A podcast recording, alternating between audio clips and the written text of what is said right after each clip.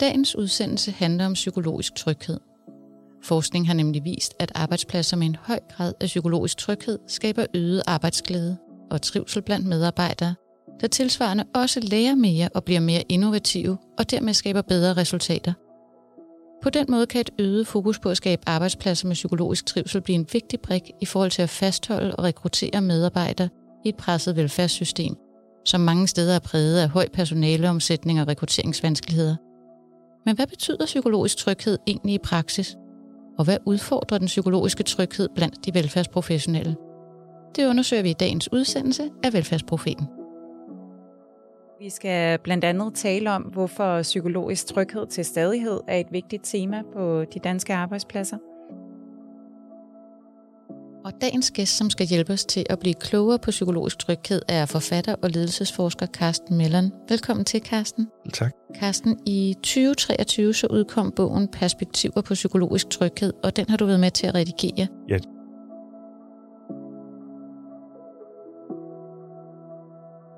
Carsten, inden øh, du lige skal have lov til at sætte lidt flere ord på, hvad du forstår ved psykologisk tryghed, så, øh, så kan vi lige starte med at ramme det ind af en definition.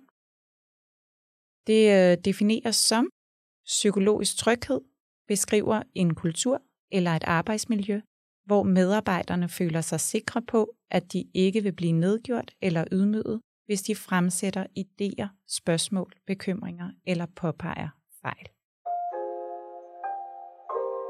Det er jo sådan en, øh, en meget øh, kort definition, den her, øh, Carsten. Hvis du skal sætte lidt flere ord på, hvordan du øh, forstår begrebet psykologisk tryghed, hvor kan vi så øh, starte henne med at sådan begynde at, at dissekere det, hvis man kunne sige det sådan? Ja, man kan jo sige, at øh, det fine citat, du kom med lige før, knytter jo egentlig an til øh, professor, Harvard-professor i Edmondsons forståelse af psykologisk tryghed i organisationer, altså i arbejdslivet. Men det der med øh, tryghed, øh, den menneskelige tryghed, det er noget, vi kender fra øh, psykologiens verden i virkeligheden. Det har hele tiden været psykologiens genstandsfelt, det her med, øh, hvordan mennesker føler, tænker, sanser, hvordan de har det, øh, hvordan de erkender verden, hvordan de udvikler et sprog til at kunne øh, øh, gøre sig klart for sig selv, men også for andre, hvad, hvad, hvordan de egentlig har det. Det er jo sådan psykologiens genstandsfelt. Når vi så taler om psykologisk tryghed, så er vi jo optaget af et eller andet fænomen, der handler om at, øh, at være tryg. Og hvad vil det sige? Øh, ja, det betyder måske noget for mig, og noget andet for dig, og noget tredje for en tredje person. Så det der med tryghed, det konnoterer måske øh, tidligst til, øh, til barndommen, altså det der med at føle sig føle omsorg og føle sig sikker på øh, omverdenen og dem, man er blandt osv. Når vi taler om en arbejdsplads og psykologisk tryghed, så bliver det lige pludselig noget andet, for en arbejdsplads har en hovedopgave, altså en kerneopgave, hvor man skal arbejde og løse nogle opgaver sammen med andre. Så psykologisk tryghed øh, på en arbejdsplads øh, kan jo så betyde ret mange forskellige ting. Mm. Og når vi nu øh, lægger mærke til, at der øh, i mange sammenhænge bliver talt om psykologisk tryghed, øh, og bliver peget på det som vigtigt i det arbejdsliv, vi, øh, vi ser nu rundt omkring. Øh, hvorfor er det så? Hvad, hvad er dit bud, bedste bud på, at, øh, at psykologisk tryghed er noget, som øh, fremstår som, øh, som et højaktuelt tema? ja, jeg tror faktisk, der er flere øh, forklaringer, og, og, øh, og mine øh, rækker nok ikke, men jeg kan da komme med et par bud. Det ene er, at det her med trivsel, tryghed og have det godt på arbejdspladsen og være motiveret øh, og være engageret osv., det er jo nogle fænomener, vi altid øh, har beskæftiget os med. Altså når jeg siger altid, så i hvert fald øh, inden for organisationslivet, øh, sådan siden øh, 40'erne, øh, groft sagt, og så fremad til i dag. Og det er nok accelereret i trakt med, at øh, samfundets udfordringer og usikkerhed øh, ja, har, øh, har været stigende øh, de senere år. Altså det, så det tror jeg er på en eller anden måde øh, noget, der er sådan et modbegreb til, til det liv, øh, vi lever, og det arbejdsliv, vi lever. Men jeg tror også, det er fordi, at det er blevet øh, populært i, øh, i USA, øh, og har fået sådan en et, et, et, et øh, sådan særlig, hvad kan man sige, øh, betydning i forhold til, hvordan sikrer vi, at medarbejderne arbejder bedst muligt i forhold til at løse opgaven. Og der har Amy Edmondson jo forsket i teaming, altså en anden måde at tænke team på, hvor det er opgaven, der definerer, hvem der arbejder sammen. Og her har det vist sig i hendes forskning, at, øh, at det at kunne arbejde sammen kræver, at vi også deler den viden, vi har, øh, for at løse opgaven bedst muligt. Så nytter det ikke noget, at hver holder på sit. Så må vi simpelthen øh, dele viden. Så på den måde, så, øh, så, er, der, så er der også knyttet an til arbejdseffektivitet øh, osv. osv. Og mange af vores lytter, de sidder jo i den offentlige sektor, og, og jeg ved også, at du har undervist på diplomuddannelser i ledelse, hvor der sidder rigtig mange repræsentanter fra den offentlige sektor. Er det overhovedet muligt at kombinere den stigende kontrol, som mange offentlige ansatte oplever, uanset om det er læger, eller pædagoger, eller sygeplejersker, eller socialrådgiver, og så psykologisk tryghed, eller er gabet ligesom for stort mellem den her idealhorisont om selvkørende teams, der arbejder om en opgave og definerer kerneopgaven, og så de her øh, vedvarende, hvad skal man sige, øh, tjek ind på, om de nu gør det godt nok, og øh, hvor lang tid de er hos øh, fru Hansen, når de er ude med hjemmeplejen, eller PISA-test, eller hvordan det nu ellers er, de bliver målt. Det er jo klart, at øh, det kan vi også se igennem en række undersøgelser, at det ikke er alle ledere, der er lige dygtige til at sætte fokus på hovedopgaven eller kerneopgaven, eller kerneydelsen kan vi også øh, kalde det i forhold til det, den enkelte medarbejder skal øh, levere. Det er ikke alle ledere, der er lige gode til at engagere, motivere og sætte fokus på øh, trivsel, øh, medarbejdernes motivation osv. Og der tror jeg egentlig, svaret er noget af det, som øh, Amy Edmondson øh, er optaget af, og derfra, hvor hun henter det, og det er fra den tidligere øh, kulturteoretiker øh, Edgar Schein, der døde her øh, tidligere i, i år, øh, som jo var manden bag det kendte begreb psykologisk tryghed, som mm. han øh, udviklede i 65 med en, der hed Warren Bennis, som handlede om, hvordan kan vi få organisationer til at blive mere produktive, Ja, vi bliver nødt til at se på, hvordan mennesker arbejder øh, sammen, og vi bliver nødt til at fokusere på tryghed i kulturen, og det var det, han var optaget af.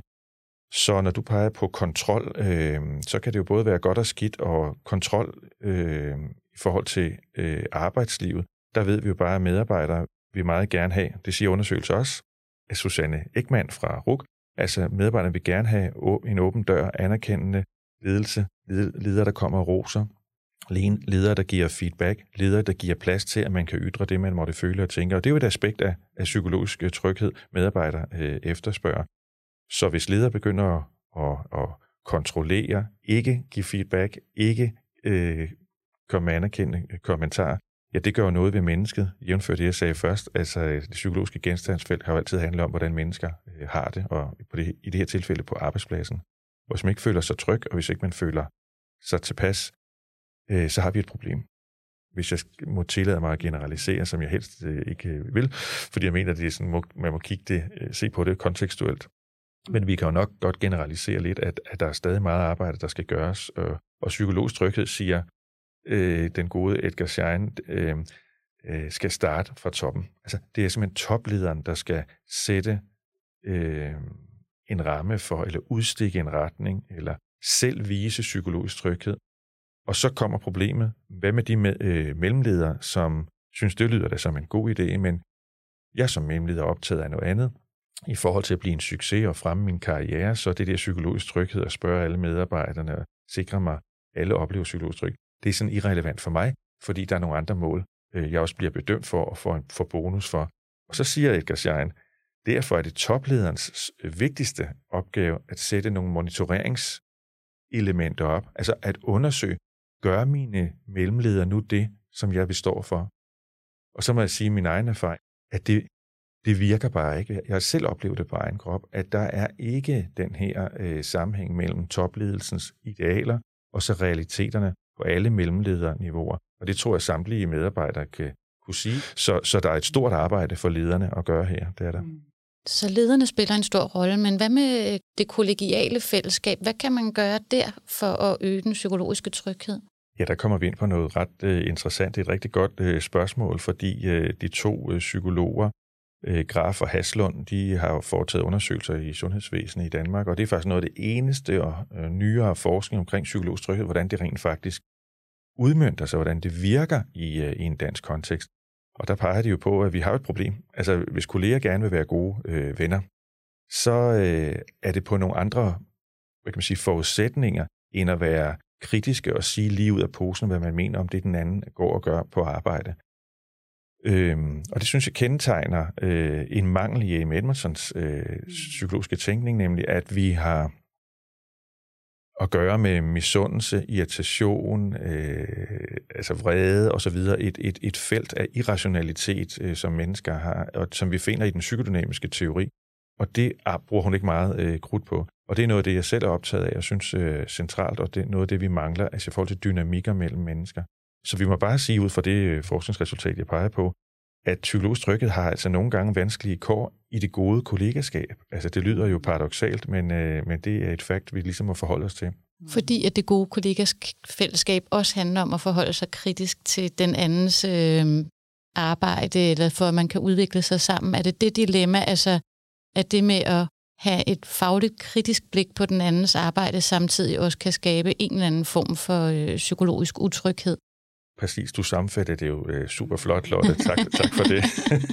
ja, og man kan sige sådan i, sådan i et konstruktivistisk forstand, der, der er idealet jo, at vi konstruerer noget sammen. Ikke? Og det kan jo bare være, at kolleger konstruerer nogle måder at arbejde sammen på, at agere sammen på, som, øh, som fordrer former for øh, tryghed imellem dem, men måske er fokus ikke på at udfordre øh, arbejdsgange, arbejdsmetoder osv. osv.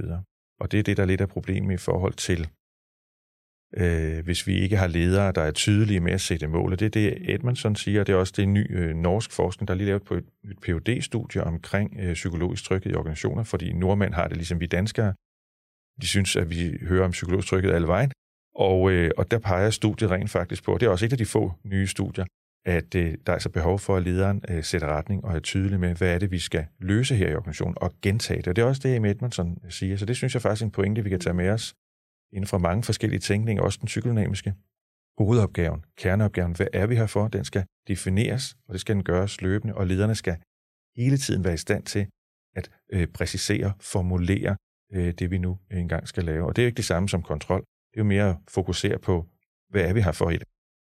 Så kunne vi måske vende lidt tilbage til den position, som lederen så har i mange af, af velfærdssektorens områder. Fordi der kan man jo også sige, at, at lederen jo på en eller anden måde også står med nogle opdrag, som kommer udefra og oppefra, og nogle gange også nogle mål, som vi også talte om før, ikke nødvendigvis hænger sammen med kerneopgaven. Så hvad, altså, kunne man tale om der, der er nogle paradoxer i det her med, at, øh, at lederen måske nok sætter tydelige mål. Der kan være nogle medarbejdere, som har svært ved at se, hvordan det hænger sammen med det, som er kerneydelsen. Altså, at man kan have en oplevelse af, at man skal lave ekstra arbejde, dokumentere i særlig grad, i, i hvert fald på en måde, som ikke nødvendigvis har, har effekt eller betydning for børnene, hvis vi er ude i øh, dagtilbudene, og at man ytrer en bekymring, en utilfredshed til lederen, men lederen kan have svært ved at gøre noget ved det. Det er jo et centralt, øh, hvad kan man sige, en central problemstilling, du skitserer i forhold til øh, ledelse, ja. fordi øh, Hvem skal træffe de beslutninger, om vi går til højre og venstre? Ja, det må netop være en forhandling omkring, hvordan er det, vi vil løse kerneopgaven derude. Jeg kunne sige lidt, noget lidt frækt nu om frisættelse og psykologisk tryghed.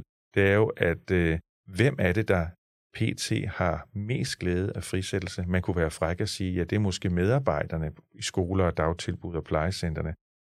Har vi set en effekt i forhold til borgeren, eleverne, børnene? delvist, men ikke endnu. Undersøgelserne har jo meget gået på, hvordan medarbejdere oplever det. Så vi skal jo hele tiden huske på, ja, det kan godt være, der er psykologstrykket, men får vi løst opgaven således, at vi leverer god pasning og læreprocesser i dagtilbud, i skolen, Mm. plejecenteret osv. osv. Øh, og der må vi sige, der er medarbejderne ikke selv kritiske nok, og lederne er nok ikke dygtige nok. Hvis vi taler om fænomenet psykologisk tryghed, ja, så handler det om mennesker, der føler sig trygge. Trygge til at tale, trygge til at være, altså føler sig, håndet vil nok sige, anerkendt, at det er okay, man er her, ikke? og man føler, det er okay, man er her. Psykologisk tryghed på arbejdspladsen, det handler jo hele tiden om, at man skal løse en opgave. Så det er jo ikke psykologisk tryghed på en værs præmis. Og Edgar Schein, han siger, vis mig den organisation, som siger, at de har psykologisk tryghed eller høj psykologisk tryghed. Det tror jeg ikke på. Der vil altid være lommer, hvor der ikke er psykologisk tryghed. Den norske forskning siger også, Der vil altid være individer i organisationen, som ikke føler psykologisk tryghed, eller det vil være meget varieret. Og det peger jo egentlig lidt tilbage på det, Edmondson øh, siger, for hun siger, vi skal ikke forveksle psykologisk tryghed med at feel nice, eller feel good, eller trivsel. Altså det, det skal vi ikke. Psykologisk tryghed handler om, at vi skal invitere, og man skal føle sig en forpligtelse til at, at tale frit. Det vil sige en invitation til konflikt, en invitation til diskussion.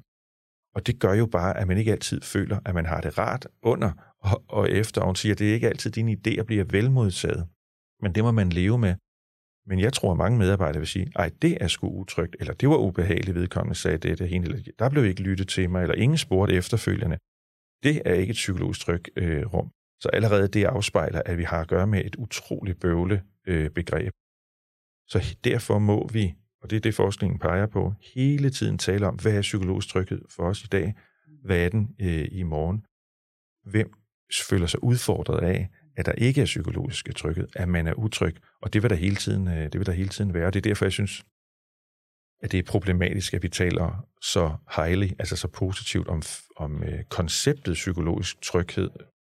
Og der er jo også begyndt at rejse sig kritiske stemmer i forhold til den tid, vi lever i, at den også er blevet lidt navlepillen, eller vi skal hele tiden mærke efter, hvordan vi har det. Nogle Katzenelsen er en af dem, der siger, at det, det faktisk i sig selv kan bidrage til at øge stress. Altså, hvor finder man balancen mellem, at vi selvfølgelig skal tale om, at vi har et psykisk trygt arbejdsmiljø, og at man også bare skal have lov at gå på arbejde uden at krænge sin sjæl ud, men være der i sin professionelle identitet, og den personlige eller private hører til et andet sted. Ja, nu nævner jeg Edmondson igen, og det er, jo, altså, det er jo sådan lidt en tilfældighed, fordi jeg synes ikke, vi behøver at bruge så meget krudt på, øh, på hende igen i forhold til et begreb, som så mange andre har forsket i og skrevet om. Men hun peger på det der med, at vi skal huske, at psykologisk tryghed handler jo ikke om, at man skal kunne sige hvad som helst, og man skal åbne op for hvad som helst, osv. osv. og dele dette og hende fra øh, det private, personlige, professionelle liv. Det, man må ligesom prøve at undersøge, hvad er det egentlig, der er, der, der er vigtigt her. Så det, du peger på, synes jeg jo er utrolig øh, vigtigt, at det kan hurtigt gå hen og blive sådan en, en terapeutisk øh, funktion. Jeg har selv skrevet i øh, bogen Perspektiv på psykologisk tryghed i mit eget kapitel om ydmyghed som forudsætning for psykologisk tryghed, at vi har eksempler på ledere, der udruller konceptet psykologisk tryghed, for ikke at tage imod den kritik af egen såkaldte dårlige, eller det som Øting og jeg skrev om pisse dårlig øh, ledelse, at, øh, at så kan det meget, blive meget nemt at udrulle et koncept. Om, lad os nu prøve at kigge i den her retning, altså så man ligesom fjerner fokus fra sig selv eller fra andre øh, øh, årsager til, øh, at mennesker føler sig øh, utrygge. Så når vi står med det her øh, dilemma mellem, at øh, vi på den ene side skal arbejde med psykologisk tryghed, og så det skal samtidig være springbrættet for, at vi kan tåle at kigge kritisk på hinandens øh, opgave, løsning, og du siger, jamen det kan faktisk i sig selv være utrygt, at vi begynder at kigge kritisk, men det er samtidig en forudsætning for, at vi kan løse vores opgaver og udvikle os sammen.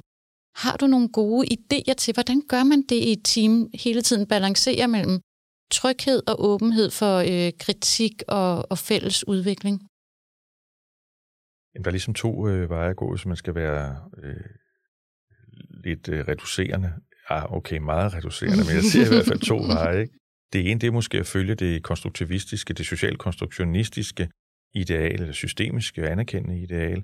Det her med, at øh, det må vi altså, øh, det må vi skulle øh, konstruere sammen. Altså vi må prøve at finde nogle frugtbare måder, vi gerne vil arbejde sammen på. Og der må jo faciliteres nogle processer, hvor vi får tid til at, i, i medarbejdergrupper til at tale sammen om, hvad er et godt arbejdsmiljø, øh, arbejdsliv her, og hvad er det for noget ledelse, vi har brug for. Altså, hvor lederen må se sig selv som en koordinator, en facilitator af stemmer, og selvfølgelig på et tidspunkt lukke boksen igen og øh, sige, nu kører vi så øh, videre herfra. Det er jo ikke, øh, vi, kan ikke, vi kan ikke have en never-ending øh, story. Vi skal også øh, videre i dagens tekst. Mm. Så det, er det også, Carsten, så en, en opgave til lederen i virkeligheden at, at gå forrest, hvis man kunne sige det sådan lidt, øh, lidt karikeret formuleret, men altså at lederen er nødt til at gå forrest og stille sig i det der potentielt utrygge for at skabe grobund for det trygge. Ja, Stine, det er jeg sådan helt enig øh, med dig i. Jeg synes, Ole Fogh Kirkeby siger mm. meget fint, hvis du er leder, så skal du kunne begrunde din magt. Altså, hvorfor du mener, der skal være en asymmetri mellem dig og andre mennesker. Hvorfor du mener, du er bedre til at vurdere og bedømme andre mennesker. Når man har svaret på det, og er tryg ved at være leder og tage det ansvar på sig, så må man jo også være tryg ved en form for selvkritik og selvindsigt i forhold til, hvor slår jeg ikke til, Mm. Øh, hvor kan jeg øh, indhente viden fra medarbejderne? For summen af medarbejdernes viden, den er jo lige godt større, end det lederen ved. Og det skal lederen jo hele tiden øh, huske på. Og så er der det her Donna Kruger-eksempel, øh, ikke? at øh, led, de fleste ledere mener, de er over gennemsnit, ikke? hvis man spørger, hvor, hvor dygtig er du? Så vi skal jo hele tiden være opmærksom på, at der er sådan nogle dynamikker i spil. Ja, det var ikke den der test, du snakkede om, eller den der sådan, øh, selvreflektion, lederen skulle lave med, sådan, at jeg, er, jeg i, er, jeg, er jeg tilpas med den her magtposition? Nej, nej, der det... kan nogen føle sig lidt for godt tilpas i den, eller hvad? Du, du, har, du har fuldstændig ret, og der, der, må, der, der er det jo så rent faktisk godt, som modforskeren Brandy Brown, den amerikanske øh, professor, der har forsket mest i, øh, i fænomenet mod, peger på, find en kritisk kollega eller en kritisk ven, som kan fortælle dig, hvordan øh, du virker eller udfordrer din øh, selvforståelse. Ikke? Øh, og det passer jo lige ind i sådan en ydmyghedstænkning, og det passer Præcis. lige ind i Edmondson og andre forskningsresultaters perspektiver, når vi arbejder med psykologisk tryghed. Der må vi hele tiden også have det her andet niveau og reflektere over, okay, hvor godt synes vi egentlig, det går, eller hvad skal jeg skrue på som leder i forhold til at understøtte øh, dialoger og arbejde med psykologisk øh, tryghed. Og nu har du talt øh, alligevel varmt om det her med psykologisk tryghed, og det er jo også derfor, vi mødes i dag. Men du har også øh, sådan åbnet for sprækker af, at det kan ikke løse alting. Kunne du prøve at sige lidt om, hvad er det for... Øh, hvad er det, du er blevet opmærksom på, der kan være dilemmaet i psykologisk tryghed efterhånden, som du er dykket mere ned i det? Altså ny øh, norsk forskning, hvis jeg lige må henvise til det, er About øh, Føn. Bort Føn hedder han. Peger på, at medarbejdere derude tænker, at øh, tryghed, psykologisk tryghed som komfort, at man skal have det godt. Altså, hvor det, han peger på, der udvikler organisationer, udvikler teams, udvikler medarbejdere, det er jo friktion og spænding, det er jo grader af utryghed. Det ved vi også, at forventninger, det kender vi inden for den pædagogiske undervisningssektor. Forventninger er faktisk det, der gør en forskel i forhold til at løfte nogen, at der bliver sat forventninger til en. Så jeg synes, vi skal arbejde lidt mere på i organisationer at skabe psykologisk utryghed. Jeg synes, vi, jeg synes mm. simpelthen, det mangler det begreb. Og øh, det handler jo i virkeligheden om psykologisk tryghed. Det er jo at anerkende, at når vi er sammen øh, om at løse opgaver, så er der utryghed i forskellige sammenhænge, og det må vi anerkende. Altså inden for psykodynamikken, der taler man jo om angst, at der er mange aspekter af livet og arbejdslivet, der genererer angst. Men vi kan ikke udrydde det hele. Men vi skal nemlig ikke forveksle angst med, øh, at der ikke er psykologisk tryghed. Der kan godt være psykologisk tryghed, og vi kan arbejde på psykologisk tryghed, men vi må også anerkende en grad af utryghed. Men det peger også ind på det her med, som jeg ser det, øh, psykologisk tryghed er jo et aspekt af en kultur, og et aspekt af en kulturforandring.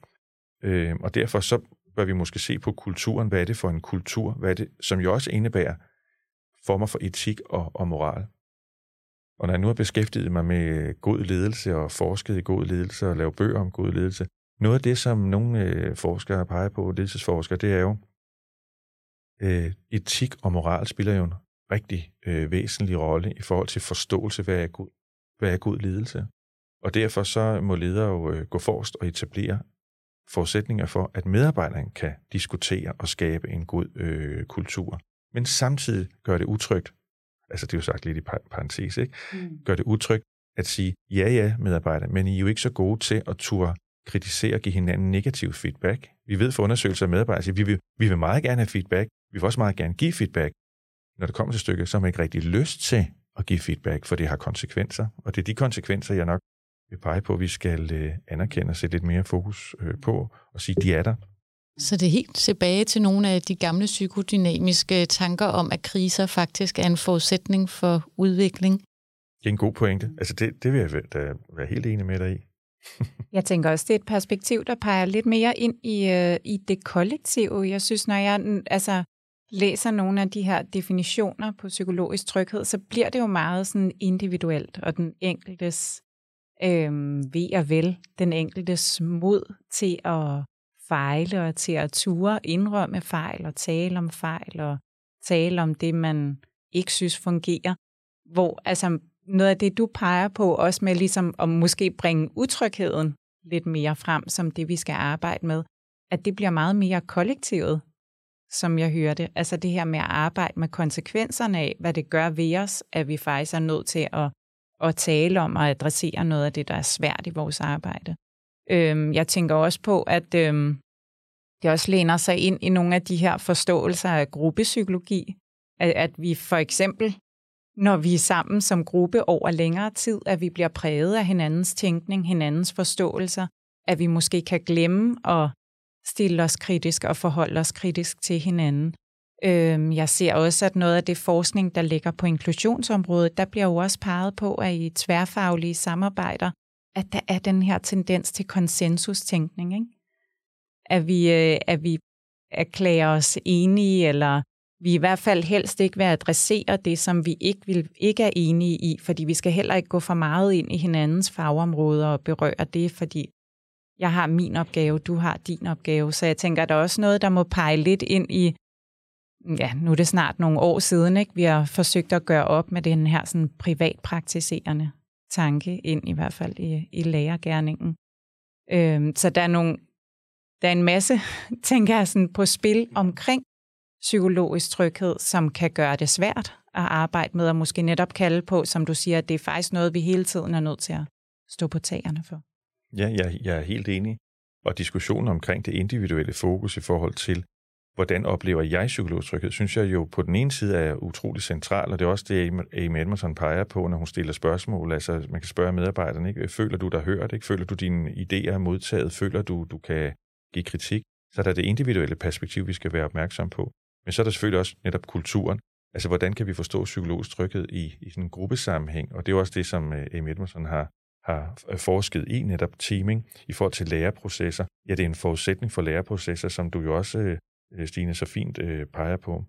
Der må man sige dissensus. Uh, nogen, der kom, har modet til, vil jeg også sige, til at udfordre status quo, eller udfordre, er, er jo central. Men der skal vi jo så igen huske på det, noget af det, vi talte om, har talt om tidligere, at, øh, at øh, der også er brug for øh, vedholdenhed. Der er også brug for øh, ro, at der er noget, der ikke hele tiden skal udvikles og udfordres. Og der er jo, øh, mens vi venter på, at, øh, at toplederne motiverer mellemlederne, så, så vil der også sidde nogle medarbejdere, som måske har været hjemme i sommerferien og tænkt, og oh, nu skal jeg tilbage og begynde at mærke den her øh, ondt i maven, eller øh, træt hoved, spændte skuldre. Man kan godt mærke, at oh, jeg ved faktisk ikke, om jeg orker at komme tilbage til den her kollegagruppe. Og vi kender jo også øh, fra vores parforhold det her med, når det går godt, er det nemt at tale om, hvad er det, vi kunne gøre bedre. Det er, når det knirker, at det er vanskeligt at tale om det gode parforhold, og jeg tænker, det, det, det kan man godt drage visse paralleller til, til de kollegiale sammenhænge. Når vi har det gode samarbejde, så er det nemt at tale om, hvordan kan vi gøre det endnu bedre. Men når det halter, så kan det være vanskeligt at finde hvad skal man sige, tryghed nok til overhovedet at tale om, hvordan kan vi blive, få et godt, trygt og kritisk øh, samarbejde.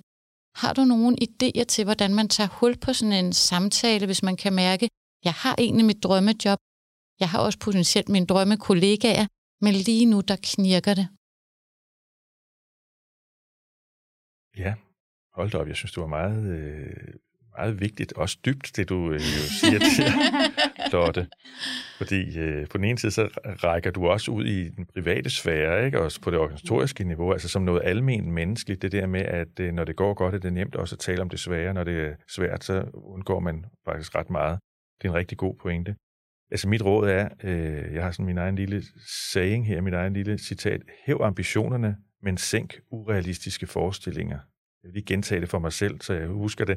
Altså, i organisationerne, hæv ambitionerne, men sænk urealistiske forestillinger. Det handler jo egentlig om, at lederne sammen med medarbejderne hæver ambitionerne for at etablere et godt arbejdsmiljø, fokusere på trivsel, social kapital. Vi kan, der er mange begreber, der, der taler ind på den her banehalvdel. Psykologisk tryghed er et andet, ikke? Altså, som, som har nogle interesser, har noget forskning bag sig, har nogle, nogle, øh, hvad kan man sige, nogle normative bud på, hvad der er godt. Øh, så, så jeg synes godt, man kan hæve ambitionen i forhold til, hvordan får man et godt arbejdsklima, men sænk de urealistiske forestillinger. Det er det der med, gør ikke for meget, altså, eller gør ikke noget, som er urealistisk. Sige, nu skal vi tale om psykologisk tryghed, og man sender nogen på kurser, man får en konsulent ud, og man synes, ej, hvor lyder det fantastisk, og så videre. Og det, og men, men så er det jo, de, de der siger bullshit bingo, de der siger pseudo halløj, altså de får ret i den sidste ende, fordi på længere sigt, så følger vi ikke op på det eller det bliver irrelevant lige pludselig, så var det lidt sjovt, mens det stod øh, øh på. Så det det med at sænke de urealistiske forestillinger, det er, at psykologisk tryghed det bliver ikke ved med at være et populært øh, begreb. Øh, men vi har jo altid talt om trivsel og tillid og integritet hos ledere og det gode samarbejdsklima. Vi har jo talt om de fænomener på mange forskellige måder. Psykologisk tryghed, der er ikke så meget nyt i det, skal vi jo også huske på. Det er bare rigtig godt, vi fælles er opmærksom på psykologien i organisationer, og at tryghed spiller en rolle for effektivitet, i hvert fald en vis, en vis øh, grad, sammen med andre øh, aspekter. Så mit råd er det der med at sænke de urealistiske forestillinger, altså øh, være realistisk med, hvad der egentlig er, er, er muligt. Men det betyder ikke, at man ikke kan øh, hæve ambitioner for at ville noget. Og så lige her til sidst, Carsten, for du nævnte det her med, at, øh, at der kunne godt være nogle veje at gå, altså som, hvis vi nu siger, den der topledelse skal stadig lige tænke sig lidt om. Men, men vi har en, øh, en leder, daglig leder, som har en medarbejdergruppe tæt på, og som godt kunne have lyst til at, øh, at finde nogle veje at gå, eller nogle nye måder, snakkede du om, at tale sammen på, eller arbejde på, som kunne hjælpe med at dyrke noget af det her med den psykologiske tryghed. Er der, har du nogle bud på, hvad kan være nogle greb, man kan gøre sig som kollegagruppe eller som leder? Ja, helt sikkert. Jeg synes, der er to forudsætninger, der kommer før det, vi hører, når vi sådan klassisk hører om psykologisk tryghed, særligt øh, i forhold til Amy Edmondson, hvor vi får nogle gode bud på, hvordan vi skal arbejde sammen. Der er det, der kommer før, og det er, at lederen er ydmyg i forhold til at huske på, at jeg ved ikke alt, men også vise det. Altså at fortælle medarbejderne, jeg er faktisk ikke helt klar over, øh, hvordan det helt står til. Altså jeg, jeg er nysgerrig på, på jer. Jeg, altså, som, som Kirkegaard siger, øh, hvis man skal hjælpe nogen, så skal man ikke komme med gode råd. man skal faktisk først finde ud af, at man har uret. Altså det, man tror, man ved om den anden, og det den anden har behov for, det er faktisk forkert. Altså man må undersøge, spørge den anden. Øh, så her der tænker jeg, at det mit, mit bedste øh, budstigning i forhold til det, du spørger om, det er, det er så udover at lederen er ydmyg sin gøren og laden, det er så at spørge om, hvad har vi hvad har vi egentlig brug for at tale om, når vi nu skal til at tale om psykologisk tryghed? Altså, hvad er svært for os her at tale om? Men allerede når det spørgsmål er stille, med de psykologiske dynamikker, der er mellem medarbejdere, og det, som du også mm. tidligere har været inde på, det der med groupthink, eller altså bias, der er sådan nogle særlige forståelser i grupper, så, så er der jo noget, der er svært at, at udfordre. Og det er jo det, at lederen må se sig selv som en facilitator, øh, en, der giver plads til stemmer, så det, så, så det ikke er det uformelle hierarki, der får lov til at, at styre. Så det der med, hvordan taler vi om psykologisk tryghed, og hvad er svært? Altså, og der synes jeg, at ambitionen må være, at man tager et aspekt øh, først. Fordi ellers så bliver det også en abstrakt diskussion, en pseudo-diskussion, og så går man derfra, og så gør man det, man gjorde øh, før man havde Og så kan vi vinge af, vi har talt om det. Ja. Ikke? Altså, ja, så jeg hørte også sige, at det, det, handler en, det handler ikke om, at vi skal vi skal dyrke eller forfølge den gode stemning, men mere at, at facilitere et rum, hvor vi faktisk kan tale om, hvad der er svært, hvornår det er svært, hvorfor det er svært. Præcis, og det er det, medarbejdere efterspørger. Ja. ja. Jamen, uh, tusind tak for at lede os lidt ind i det her store rum af psykologisk tryghed. Og jeg tænker, at det her med at løfte ambitionsniveauet, det har du i hvert fald hjulpet til med at vise, at vi skal både have psykologisk tryghed, og så samtidig åbne for en faglig, udviklende, kritisk kultur, og så øh, samtidig med det realistiske, hvad kan vi egentlig nå i mål med her hos os? Hvad, hvad er rammerne hos os? Spændende. Jeg tænker, at det har inspireret mange derude til at tage no, op hul på nogle svære og nye samtaler. Ja, tak fordi du kom. Ja, selv tak.